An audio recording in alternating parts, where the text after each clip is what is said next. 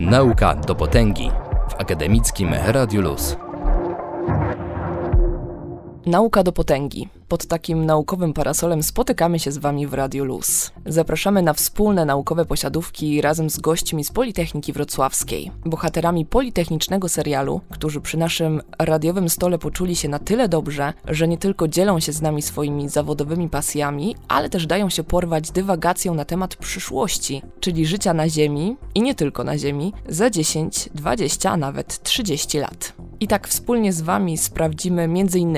jakie pojazdy mogą zdominować nasze przestrzenie w roku 2050, czy będziemy w stanie masowo korzystać z możliwości medycyny kosmicznej, jak często satelity będą patrzeć nam na ręce? I czy wyciągniemy lekcje z rozwoju megamiast i wizji azjatyckich. Wszystko to brzmi nieco jak rodem z science fiction, ale to dobrze, bo na takie ucieczki pozwolimy sobie nieraz. To będzie przeciekawa, wspólna podróż, na którą zapraszamy my, czyli luzowi przewodnicy Martyna Dziakowicz i Jakub Jastrzębski. Słyszymy się już za chwilę.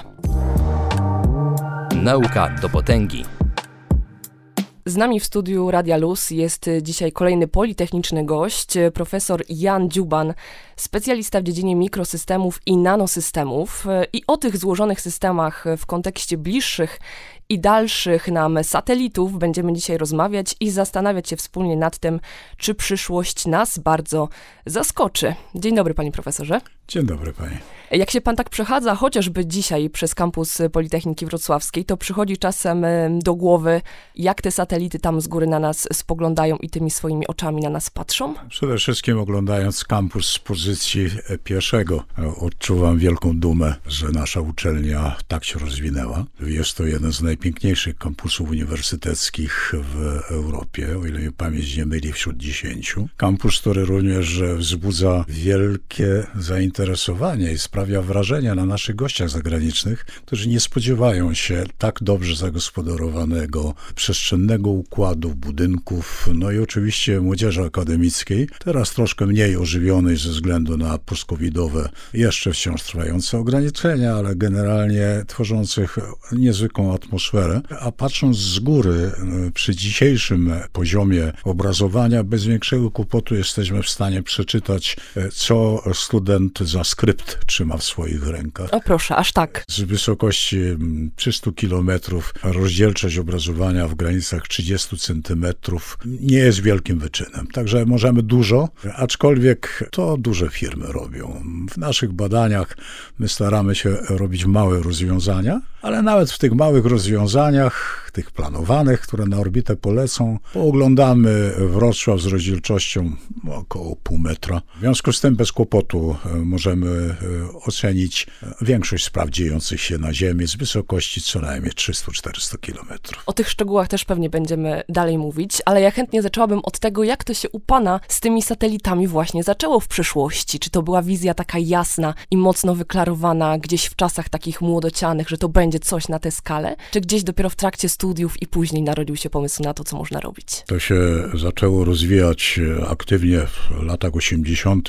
jako podstawy techniki mikrosystemów, przede wszystkim czujników. Dopiero 2000-2010 zaczęły pojawiać się bardziej skomplikowane rozwiązania subminiaturowe wykorzystujące cechy technologii mikroelektronicznej, ale to jeszcze i tak nie był ten poziom, który można by było zastosować bezpośrednio w badaniach satelitarnych. Również techniki satelitarne musiały dojrzeć do tego, aby zastosować w swoich rozwiązaniach miniaturyzację, jaką my proponujemy. No i taki wzrost miniaturyzacji kosmicznej możemy notować dopiero gdzieś w drugiej połowie poprzedniego dziesięciolecia, 2014-17, gwałtowny przyrost. Wtedy myśmy nie prowadzili na uczelni badań w tym kierunku, aczkolwiek ja rozpoznawałem możliwości zastosowania pewnych opracowań, jakie na uczelni były bez satelitów realizowane. Potem była taka sytuacja, że we Wrocławiu zbudowano bardzo ciekawą konferencję związaną z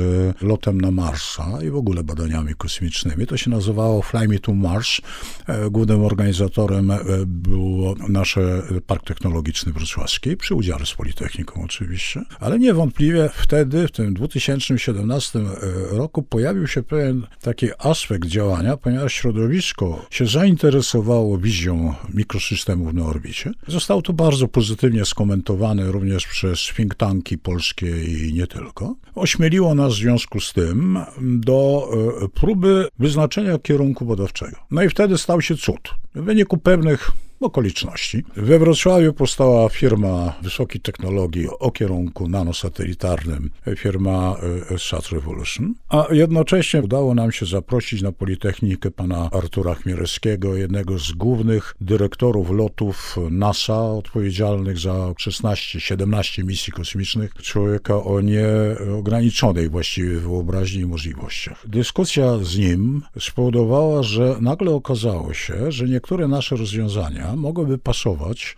do tego, co potrzebuje NASA, ale dopiero w przyszłych misjach kosmicznych, nie w tych, które teraz lecą, tylko które polecą za 10 lat, za 8, za 6. No i rozpoczął się wtedy dyskurs na temat tego, a co moglibyśmy zrobić. I pierwszym tematem, jaki został wyklarowany, projektu mm, rozwinięcia wysokich technologii na Dolnym Śląsku z Funduszy Marszałka Dolnośląskiego. To był projekt finansowany przez Narodowe Centrum Badań i Rozwoju, e, dofinansowany ze środków europejskich, e, ożywienia e, wysokich technologii na terenie poszczególnych środowisk i myśmy razem z panią profesor Szojtą zaproponowali zrobienie laboratorium kosmicznego, miniaturowego, które można by było przeprowadzić kilka prób biologicznych i medycznych, bo wiadomo, to już jest stan ustalony, że w mikrograwitacji wszystko z życiem dzieje się inaczej. Potem wspólnie z Sad Revolution złożyliśmy e, projekt grantu realizacji tego. Dołączyliśmy do tego Akademię Medyczną we Wrocławiu, Instytut e, Polskiej Akademii Nauk imienia Kirchfelda i stworzyliśmy takie e, dwie linie doświadczeń. Pierwsze to są doświadczenia związane ze wzrostem grzybów i roślin na orbicie, a drugie to jest oddziaływanie mikrograwitacji na rozwój głównie komórek onkologicznych, raka, bo jak się okazuje, tam wszystko dzieje się, jak już mówiłem, inaczej. Ku naszemu wielkiemu zaskoczeniu projekt ten otrzymał e, finansowanie, został oceniony jako jeden z najciekawszych. Powolutku rozwijały nam się kompetencje w stronę biomedyczną, a w międzyczasie pojawiło się coś bardzo ciekawego. Mianowicie od ponad 10 lat w zespole e, rozwijamy technikę mensów wysokopróżniowych. To jest zupełnie nowa dziedzina, E, subminiaturowych urządzeń elektromechanicznych tworzących systemy, MEMSy, w których e, wnętrzu wytwarzamy i zarządzamy stanem bardzo wysokiej próżni. Brzmi to dość specjalistycznie, ale inaczej tego właściwie nie mogę opisać. Generalnie chodzi o to, że w takich subminiaturowych rozwiązaniach, które mają milimetr sześcienny, e, standardowych pomp i systemów próżniowych nie da rady zastosować skala się nie mieści. No to trzeba było najpierw zrobić e, subminiaturową pompkę, która mogłaby współpracować z takim maleństwem, jakim jest e, sam MEMS. To się udało w, głównie w zespole prowadzonym przez panią profesor Annę Gorecką-Drzazgą. Tutaj młody doktorant, w chwili obecnej już profesor Politechniki, profesor Grzebyk, odkrył w jaki sposób można zarządzać stanem bardzo wysokiej próżni. To jest sensacja światowa. Aż tak można nad tym panować, trzeba to uświadomić słuchaczom, że to już jest możliwe. Tak. Na bazie tego w 2016 roku w Singapurze dogadaliśmy się z Narodowym Uniwersytetem w Singapurze, że właściwie można by było stworzyć projekt, w którym byśmy te wysokie próżnie zastosowali i wspólnie zrobilibyśmy subminiaturowe wielkości no, paczki papierosów, urządzenie do analizy y, gazów, szczególnie w przemyśle no, chronicznie zatruwającym środowisko. W Singapurze problem polega na tym, że tam jest potężna produkcja, mały obszar, niekorzystne wiatry. Wybudowano jeszcze e, sztuczne wyspy, na nich poszadowiono przemysł petrochemiczny, bo doszli oni do wniosku, że lepiej jest importować ropę z krajów arabskich, przerabiać u siebie na produkty naftowe, a potem już odsprzedawać dalej na Daleki Wschód jako z zyskiem produkt końcowy. No ale to oznacza, że tam będą gazy. Mhm. Gazy szkodliwe. No do tego trzeba było zrobić jakieś przenośne urządzenia, żeby robotnik mógł sobie e, wsadzić do kieszeni i mierzyć, co tam w danym momencie się dzieje.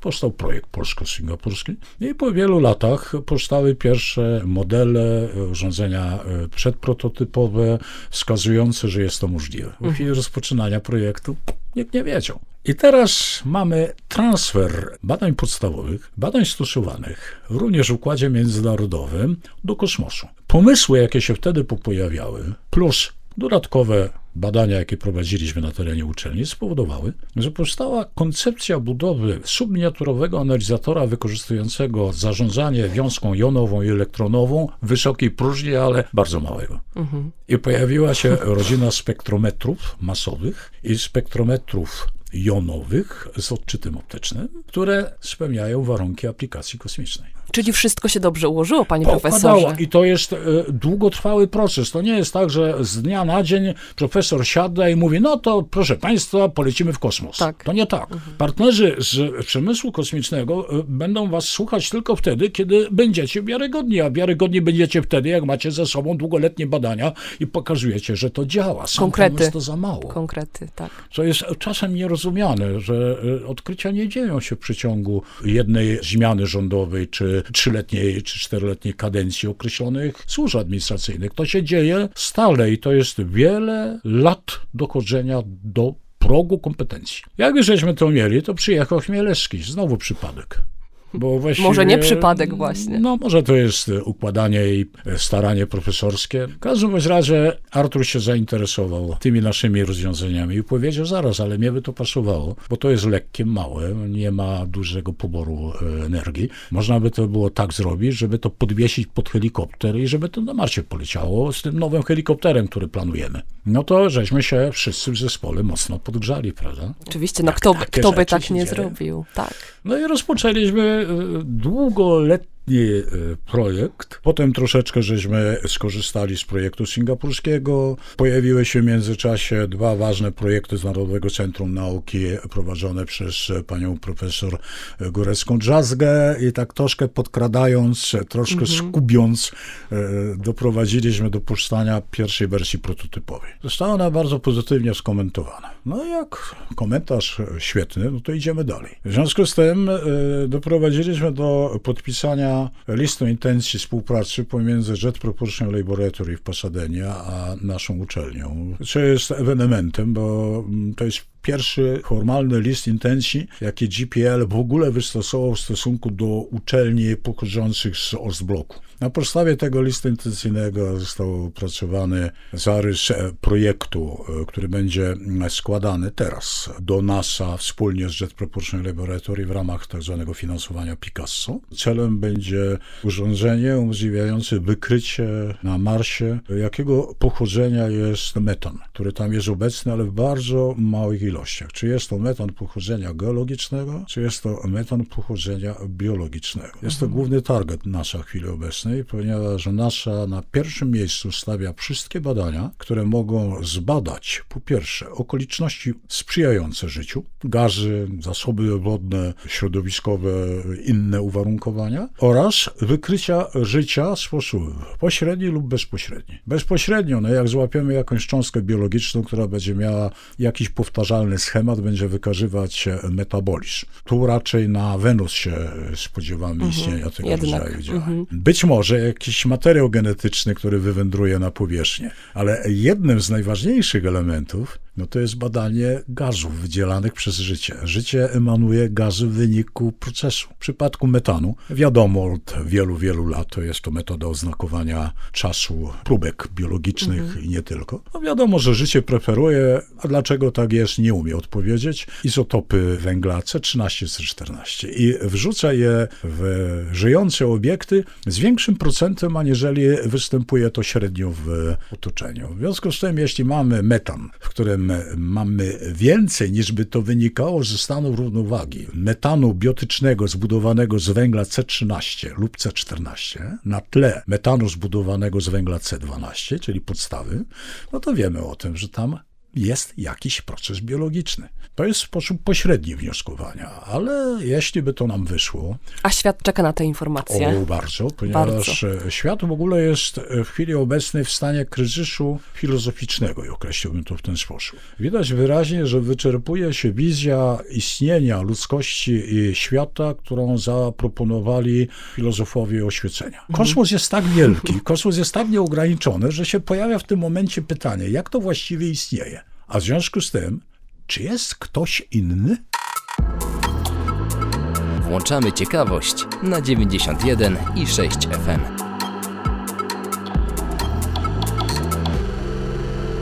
Proszę zwrócić uwagę, że jeśli by potwierdzić istnienie życia w kosmosie dowolnym sposobem, ba nawet ocenić, że jest prawdopodobne życie w kosmosie na podstawie przesłanek pośrednich, to wtedy pojawia się ogromny problem filozoficzny, sięgający podstaw egzystencji naszej cywilizacji. Bo trzeba wtedy będzie znowu się zastanowić, tak jak w XVIII wieku się zastanawiano, czy świat realny jest poznawalny istnieje niezależnie od nas, a my mamy z jakiegoś powodu mechanizm, który pozwala go poznać, czy też za tym wszystkim jednak nie stoi jakaś nieznana nam e, e, siła, ja mówię na to Bóg, który w efekcie jest kreacjonistą. No ale wtedy wali się pewna koncepcja. Ziemi jako pępka świata, na którym jest tylko życie i cała historia biblijna, wszystkie elementy e, religii, nie tylko naszej, ulegają de facto podważeniu, wywróceniu do góry nogami. W związku z tym to jest jeden z najważniejszych problemów, przed którym stanęła ludzkość.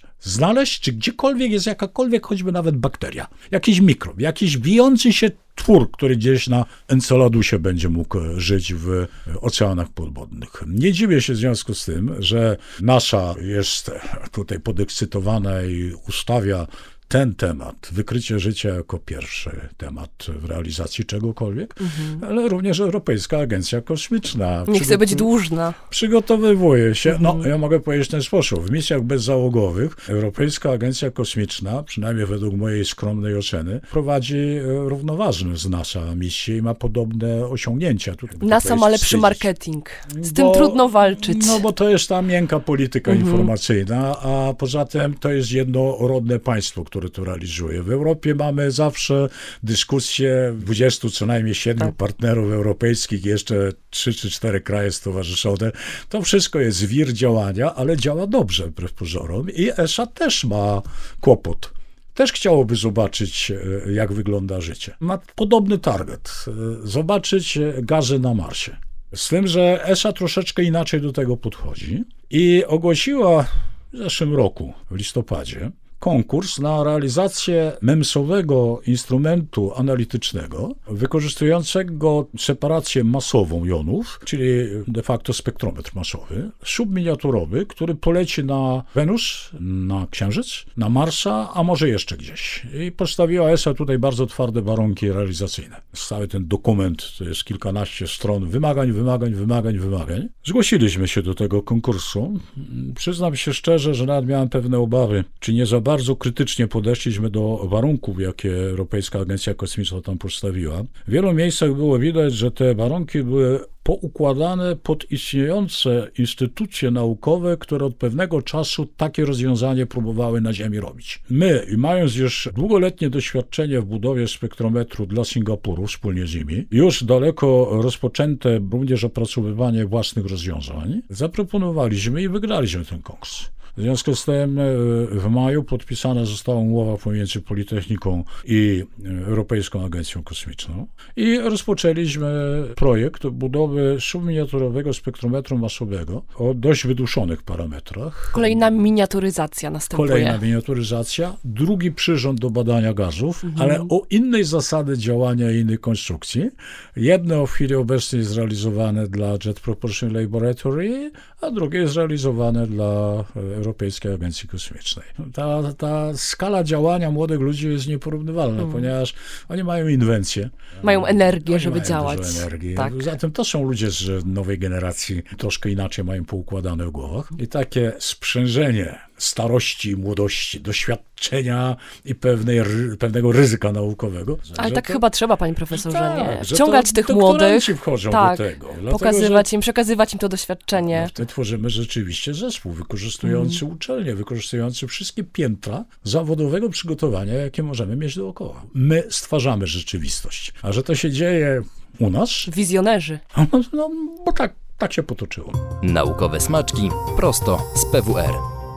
Proszę Państwa, można rozwijać super wysokie technologie w naszym kraju. I można je rozwijać na takim poziomie, że nie są one służebne, te technologie, w stosunku do know-how powstającego w krajach super rozwiniętych. Do tego jest jednak potrzebne pewne środowisko. To środowisko w unikalny sposób zapewnia nasza uczelnia. Trzeba mieć śmiałość dyskusji z partnerami zachodnimi, którzy cały czas mają jednak wbite do głowy, co widać i w polityce europejskiej, a i trochę szerszej, że wy tu na skraju jesteście tak na razie na etapie takiego średniego rozwoju technicznego. Więc mhm. gdzie wam do lotów kosmicznych, gdzie wam do jakichś działań? Wy się zajmijcie z samochodami elektrycznymi, może zbudujcie sobie nową fabrykę telewizorów, gdzie będziecie montować. No już na całe szczęście, e, proszę Państwa, ta epoka, w której my byliśmy tanią siłą roboczą dla partnerów zachodnich, zwolna się cofa. Jak kania dżdżu w przysłowie, potrzebujemy wysokich technologii. Z prostego powodu.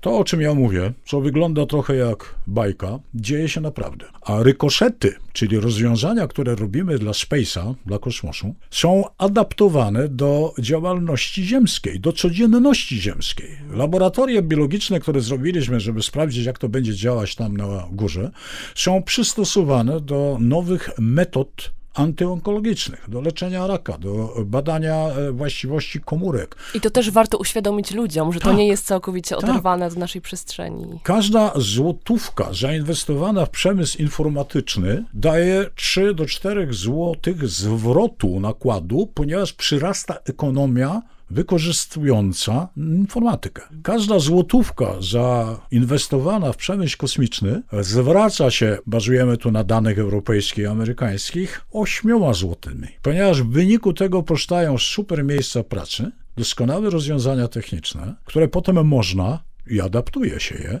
do codzienności. Mógłbym wyliczać w nieskończoność te towary, które Państwo kupujecie w zwykłym supermarkecie, a które są pochodzenia kosmicznego. Na przykład narzędzia akumulatorowe. Powstały dla misji kosmicznych, a potem przewędrowały początkowo jako drogie, a dzisiaj jako w gruncie rzeczy dość tanie rozwiązania dla majsterkowiczów. Mhm. Rzepy. Takie rzepy, które służą do zamykania kurtek albo bucików dziecięcych. Opracowane dla zamykania e, skafandrów. Tak. tak. I one prześladowały do nas. Barwniki. Różne nowe farby, mocno jarzące, ostrzegawcze znaki, folie ostrzegawcze, najpierw zrobione dla kosmosu, żeby ratować rozbitków, którzy się tam w nieprawidłowym miejscu wylądują na oceanie. Poważne sprawy, panele fotowoltaiczne. Na waszych dachach często macie już Państwo panele krzemowe, które mają sprawność przetwarzania energii nawet do 23% energii podającej. Te panele zostały opracowane dla kosmosu technologia tych paneli została dopracowana w szczegółach tak, że na Ziemi stało się możliwe masowe wytwarzanie tych paneli, ponieważ w kosmosie dzisiaj używamy panele hybrydowe z związkami niekrzemowymi, które mają sprawności do 34%. Być może za jakiś czas te supernowe panele, jak potanimy ich technologię, znowu przejdą na zastosowanie ziemskie, ale te wszystkie elektrownie dachowe, które instalujemy i pomagają nam zielonej energii, one z kosmosu przywędrowały na Ziemię. Nowe stopy, nowe materiały, nowe śrubki, nity zrywane, które stosujemy powszechnie, to też najpierw było w kosmosie. Czyli kosmos jako dobre środowisko do badań, które potem można tu przenieść też. Badania zawsze niosą sobie taką negatywną konotację. A tam badają sobie, albo poszedł pacjent do lekarza i on go zbadał, nic z tego nie wynika. To nie jest tak. Badania to się prowadzi dlatego, że małpa, jaką my jesteśmy, zeszła z drzewa ze względu na głód i ciekawość. No, niektórzy dołączają jeszcze trzecią cechę, ale y, nie będę ją tu wspominał. Owa ciekawość, jaka w nas od pokoleń jest, jest głównym motorem napędowym w gruncie rzeczy naszej działalności. Oraz chęć polepszenia bytu, żebyśmy się lepiej najedli, lepiej poruszali, lepiej ubrali. W kosmosie występuje przede wszystkim chciwość wiedzy. Angażujemy środki duże. No, Bardzo wysłanie duże. laboratoriów e, na orbitę, e, nawet tak taniego jak ten, który zrobiliśmy w Polsce, to jest rząd 5 milionów złotych. Opracowanie instrumentu, który poleci e, na Marsa, za sferę badawczą trzeba dać co najmniej 12 milionów złotych. I trzeba przyznać, że dla uczelni to jest dużo, ale dla firm z branży kosmicznej Nic. już nie za bardzo. To jest, to jest rozkosz. To nie są żadne dla nich pieniądze. Ale potem my zwrotnie otrzymujemy z tej misji ciekawości w kosmosie rzeczywiste rozwiązania, które sprzedajemy na Ziemi, stosujemy na Ziemi, które polepszają nasze działania. Nauka do potęgi. Tu wspomnę o jednej sprawie. Badanie w kosmosie wykazuje, że rozwój komórek onkologicznych w mikrograwitacji przebiega odmiennie aniżeli na Ziemi. Nie chcę powiedzieć przez to, że wolniej. Niektóre rodzaje raka rozwijają się rzeczywiście wolniej, ale wiadomo, że oddziaływanie środków medycznych jest na orbicie zwielokrotnione. Mówi się nawet, analizy literaturowe pokazujące doświadczenia, które tam były zrobione, że niektóre medykamenty działają stukrotnie szybciej. To znaczy, że można by było wysłać pacjenta na jeden dzień na krótką orbitę nad e, Ziemią, dać mu lekarstwo i to odpowiada studniowej kuracji na Ziemi.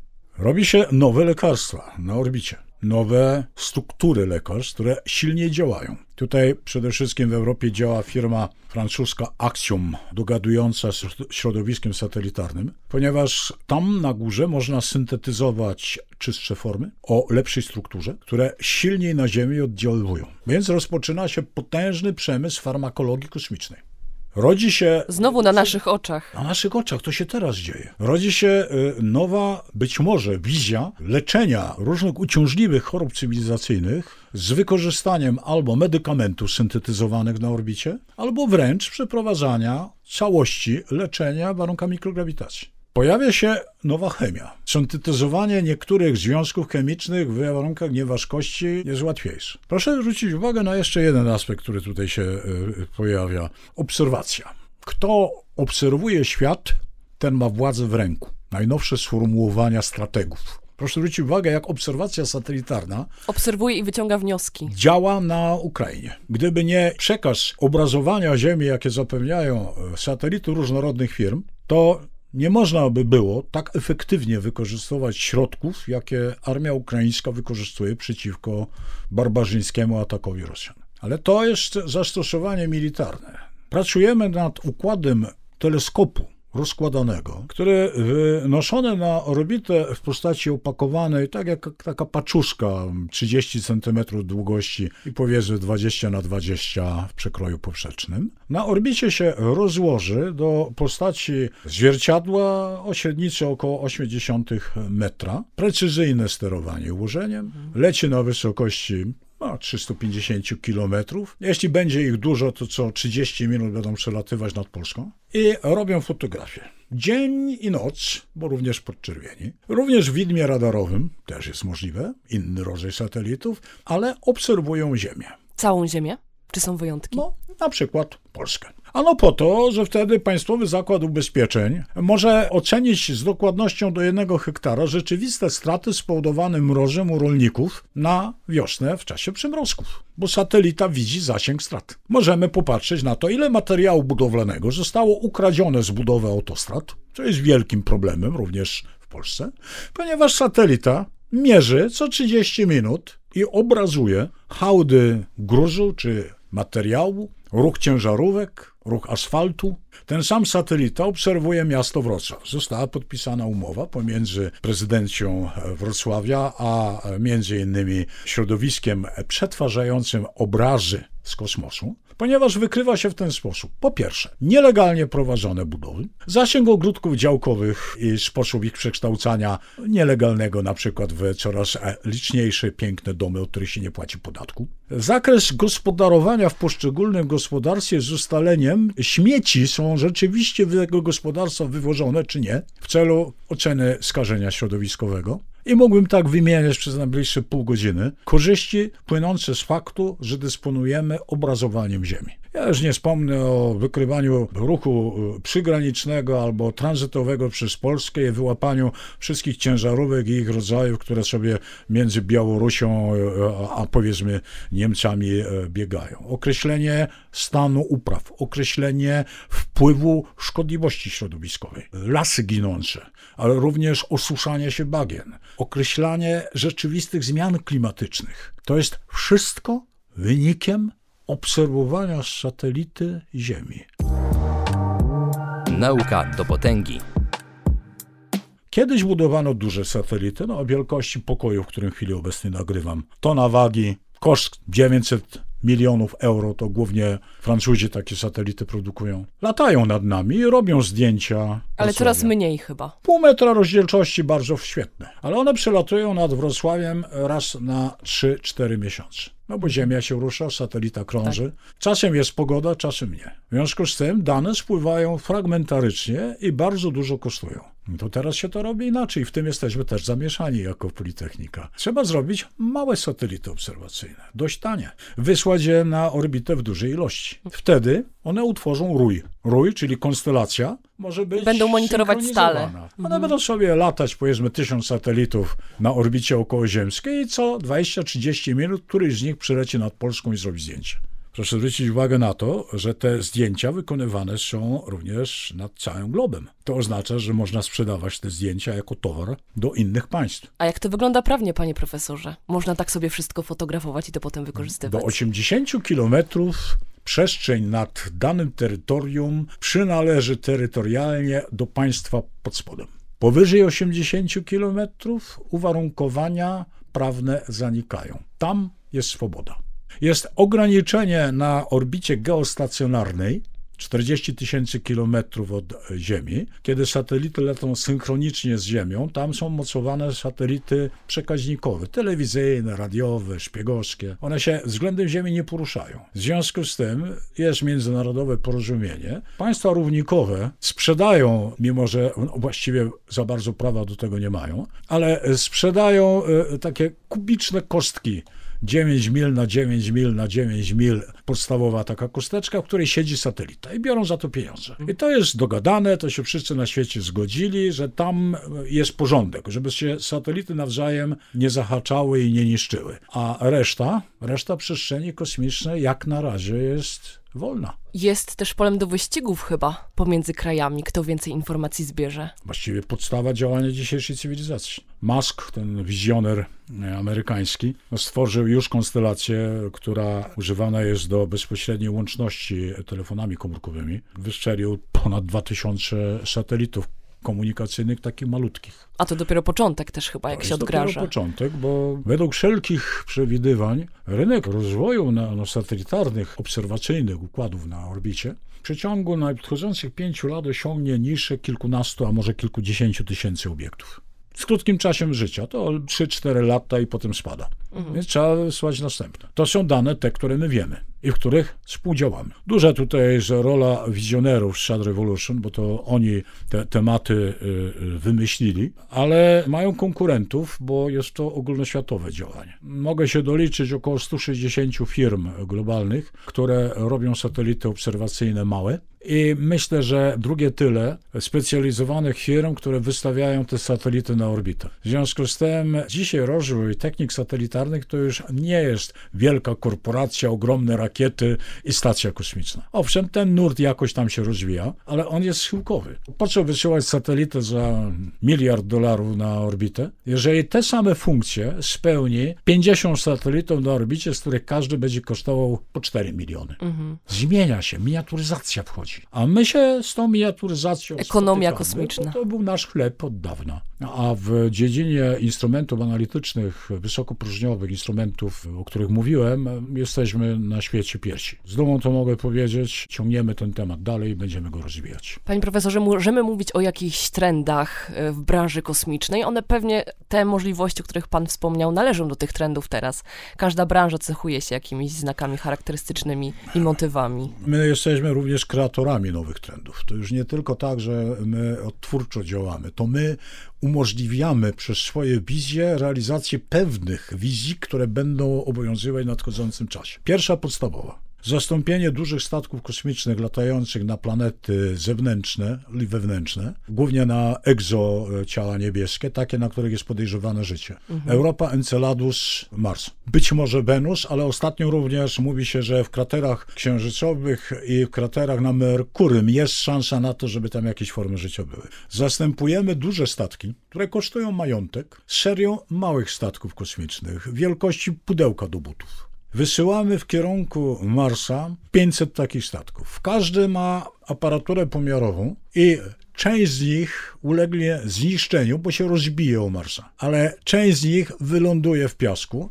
wytrzyma przeciążenia rzędu 500 G a może i więcej, nawet 1500G, i zacznie nadawać z powierzchni w wielu miejscach, ze względu na to, że wyląduje jednocześnie wiele małych statków kosmicznych. To jest pierwszy główny trend. Kilogram na Marsie, zapewne kwoty, jakie wymienię, trudne do zaakceptowania. Kilogram na Marsie to jest minimum 150 milionów dolarów. Trudno Opracowanie, wystrzelenie, przeprowadzenie, wylądowanie. W związku z tym, jeżeli to jest 150 milionów na Marsie, to pytanie jest, jaki jest koszt małej misji kosmicznej realizowanej nowymi środkami. No i się okazuje, że to będzie około 15 milionów. Za 15 milionów Jedno zero mniej. można tak. zbudować jeden statek kosmiczny, który wyląduje na Marsie, a będzie malutki bo to robimy. To jest rzeczywiście główny trend. Druga sprawa, która tutaj się pojawia, to są specjalizowane statki kosmiczne, które właściwie będą pełnić funkcję robotów powierzchniowych. Dzisiaj wystawiamy na Marsa wielki łazik. Łazik ma mnóstwo instrumentów analitycznych, również podwieszony helikopter. Ten helikopter lata dookoła łazika, zbiera informacje. Duży łazik często ma jeszcze mały łazik, który gdzieś penetruje paręset metrów czy kilometrów od y,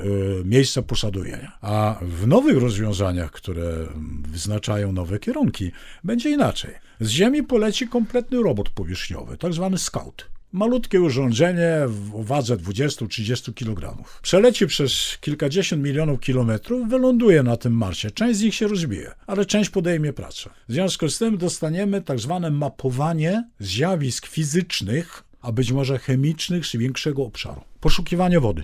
Poszukiwanie grot, w których astronauci mogliby się schować w pierwszym okresie kolonizacji Marsa. Kolejny cel, o gazach już mówiliśmy, ale woda też jest cenna. Dokładnie. Łapanie chemii, gleby, Ocena, czy ta gleba się nada do jakichkolwiek celów przyrodniczych, hodowli zwierząt, roślin. Dalej, bardzo ważny element to jest określenie rozkładu emisji gazów. Dlaczego nie możemy pomyśleć o złożach paliw kopalnych na Marsie? 3,5 miliarda lat temu historia Marsa i historia Ziemi była dość podobna. Były oceany, prawdopodobnie rośliny, prawdopodobnie zwierzęta, szukamy tego na Marsie. No to w takim układzie, jeśli nasze kopaliny ziemskie przynajmniej w części pochodzą z okresu sprzed wielu set milionów lat, to jest pytanie, czy na Marsie doszło również do na przykład geologicznego procesu sedymentacji różnych kopalin, które tworzą złoże, od choćby gipsu. Pojawia się problem również, a co z tym życiem?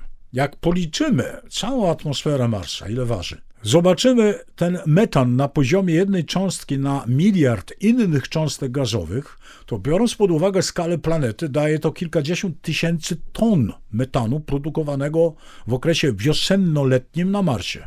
Czy to jest e, przenikanie takie ogólne, a może tam są jakieś kanały, a może tam są jakieś agregacje, z których ten metan e, wypływa, a potem się rozpływa po całej planecie? Nikt nie wie. Jeszcze. Pojawia się problem wodoru. Dlaczego na Marsie, 20-kilometrowej e, warstwie od marsjańskiej powierzchni, na tle CO2 znajduje się za dużo wodoru? Skąd on pochodzi? Czy to jest materia, która przypłynęła, organiczna i to jest produkt rozpadu z kosmosu? Czy to jest jakaś emanacja czegoś, czego nie znamy na Marsie?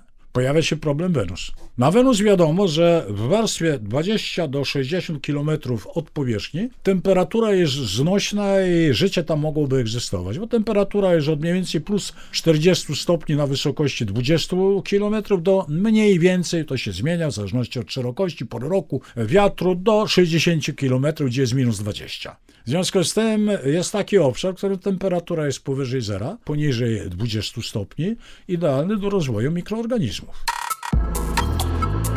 Włączamy ciekawość na 91 i 6 FM.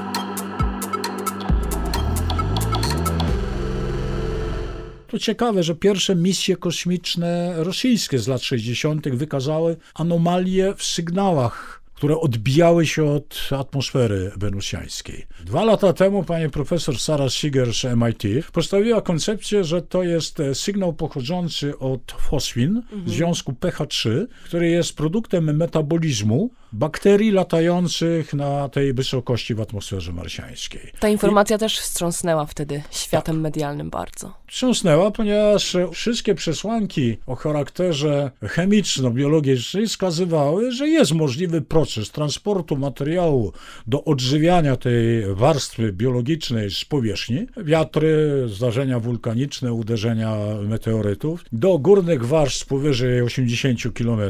Tam to spada w dół, łącząc się z kroplami no de facto mgły kwasu siarkowego, która na wysokości 20-60 km ma miejsce, a my znamy bakterie kwasolubne na Ziemi, które wytrzymują pH e, stężonego praktycznie kwasu siarkowego i żyją. W Indonezji niektórych wulkanach takie bakterie żyją. One A ilu ekstremofili jeszcze nie znamy, nie odkryliśmy. ekstremofile, których my jeszcze nie do końca znamy. Jest podejrzenie, że podobne coś może tam się rozwijać. No to e, trzeba wysłać serię małych sąd, które polecą. Pierwsza już leci, przeleci szybko jak meteoryt przez atmosferę i zbada kilka stałych chemicznych, kilka poszukiwanych sygnałów. Druga jest przewidywana, spadochronowa, mała. Mówi się o takich wiszących laboratoriach właśnie, tak? tak. Które dałyby radę w tej tak atmosferze. Jest. W związku z tym tendencje i przewidywane różne misje na nadchodzące lata są ożywione, rozliczne i kompletnie odbiegające od tego stanu rzeczy, który mamy obecnie. Przygotowywania misji na niezdobyte planety giganty gazowe, Neptun, o właśnie, o to chciałam dopytać, bo mówimy o Marsie i o Wenus, ale Politechnika też tutaj się do Neptuna przymierza, chyba jak dobrze słyszałam. Bo to jest e, problem e, bardzo ciekawy. Neptun jest e, strukturą gazową, która prawdopodobnie ma jądro skaliste, nawet chyba na pewno, bo to badania radarowe pokazują. Jaki jest skład atmosfery? No, górne atmosfery na wysokości parunastu tysięcy kilometrów od jądra skalistego, może nawet 100 tysięcy kilometrów, są poznane metodami zdalnymi. A sonda wlatuje teraz w tą atmosferę przyciągana przez e, jądro Neptuna. Neptun daleko, trzeba przyznać, od Ziemi. O, Bardzo. sygnał leci już 20 parę minut. Mm.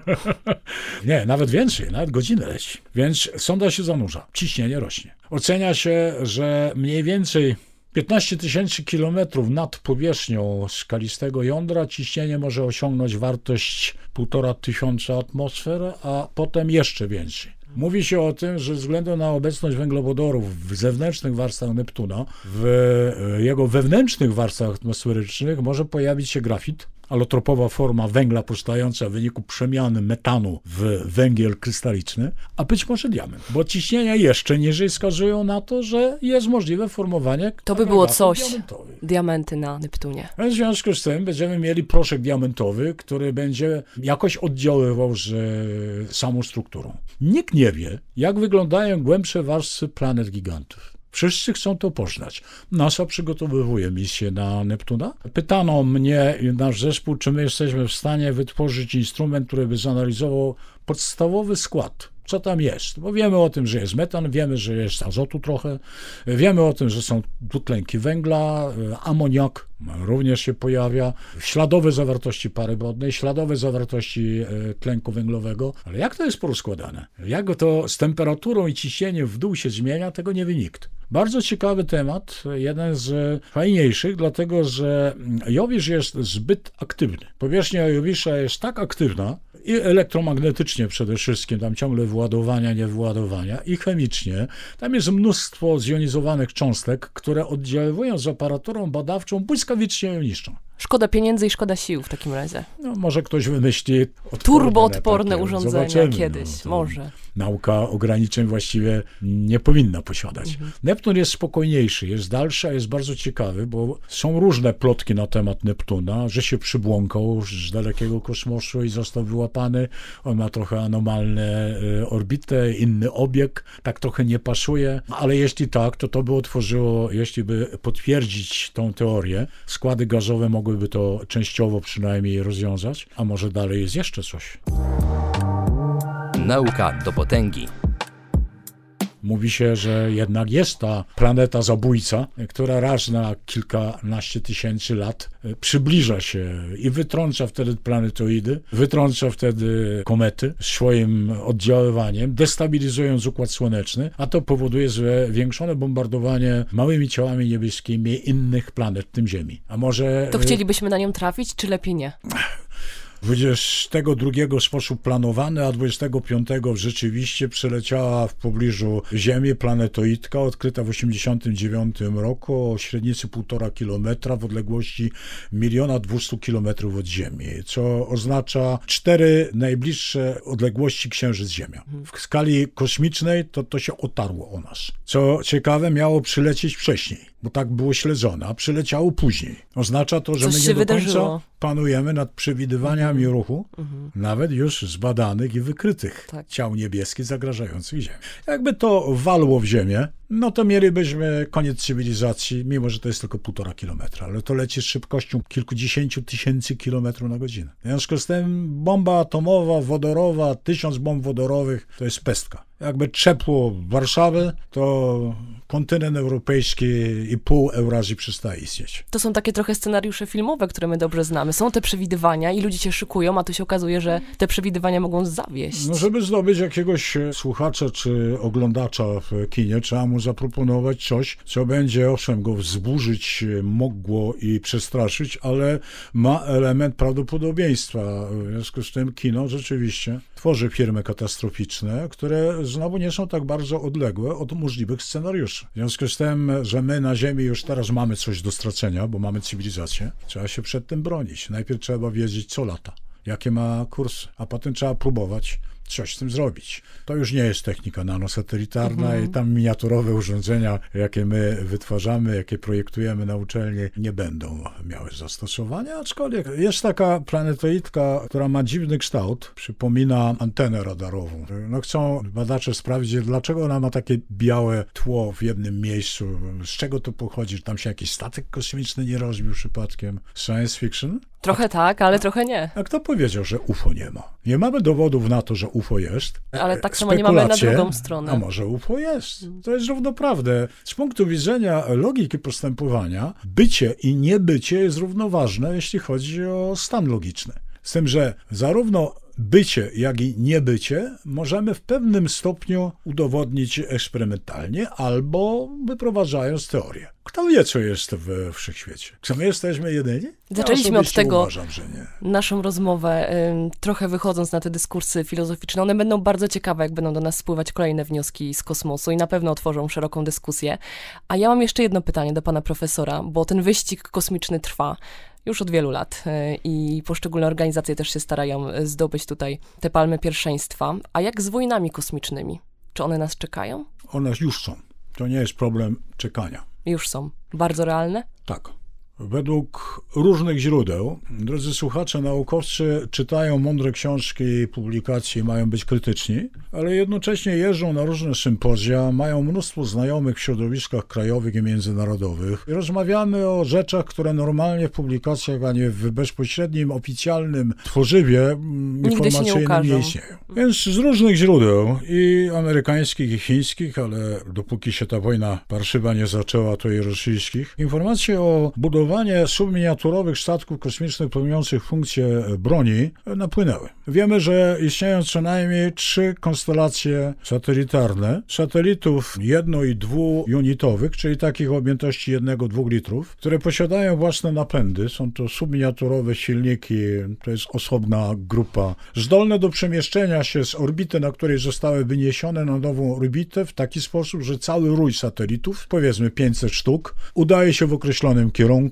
i któryś z nich trafia w Międzynarodową Stację Kosmiczną jako meteoryt. On nie ma własnej broni, ten satelita, ale on leci szybkościami kosmicznymi, 11 km na sekundę, żeby się utrzymać na orbicie dookoła ziemskiej, gdzie ta pierwsza kosmiczna jest 8,8 km na sekundę, a druga umożliwiająca wyjście na wyższe orbity, może nawet na jakieś tam krążenie dookoła Księżyca, no to już jest 11 km. To jest straszna energia. Jak ta energia tylko muśnie obcy statek kosmiczny, cudzego satelitę, cudzą stację stację kosmiczną, w wyniku impaktu obiekty wyparowywują. Ta broń impaktowa, konstelacyjna, jest zainstalowana na orbicie i czeka sobie. Udaje de facto ciała niebieskie. Radarem tego nie zobaczymy z Ziemi, bo jest za małe. Może się między sobą łączyć. Na rozkaz z Ziemi może cała armada pójść w określonym kierunku i strącić czy rakietę balistyczną, jak ją złapie, ale najczęściej satelity wywiadowcze, satelity łączności, satelity sieci GPS, ponieważ one są duże. Tak. To się jakoś trafi. I ta broń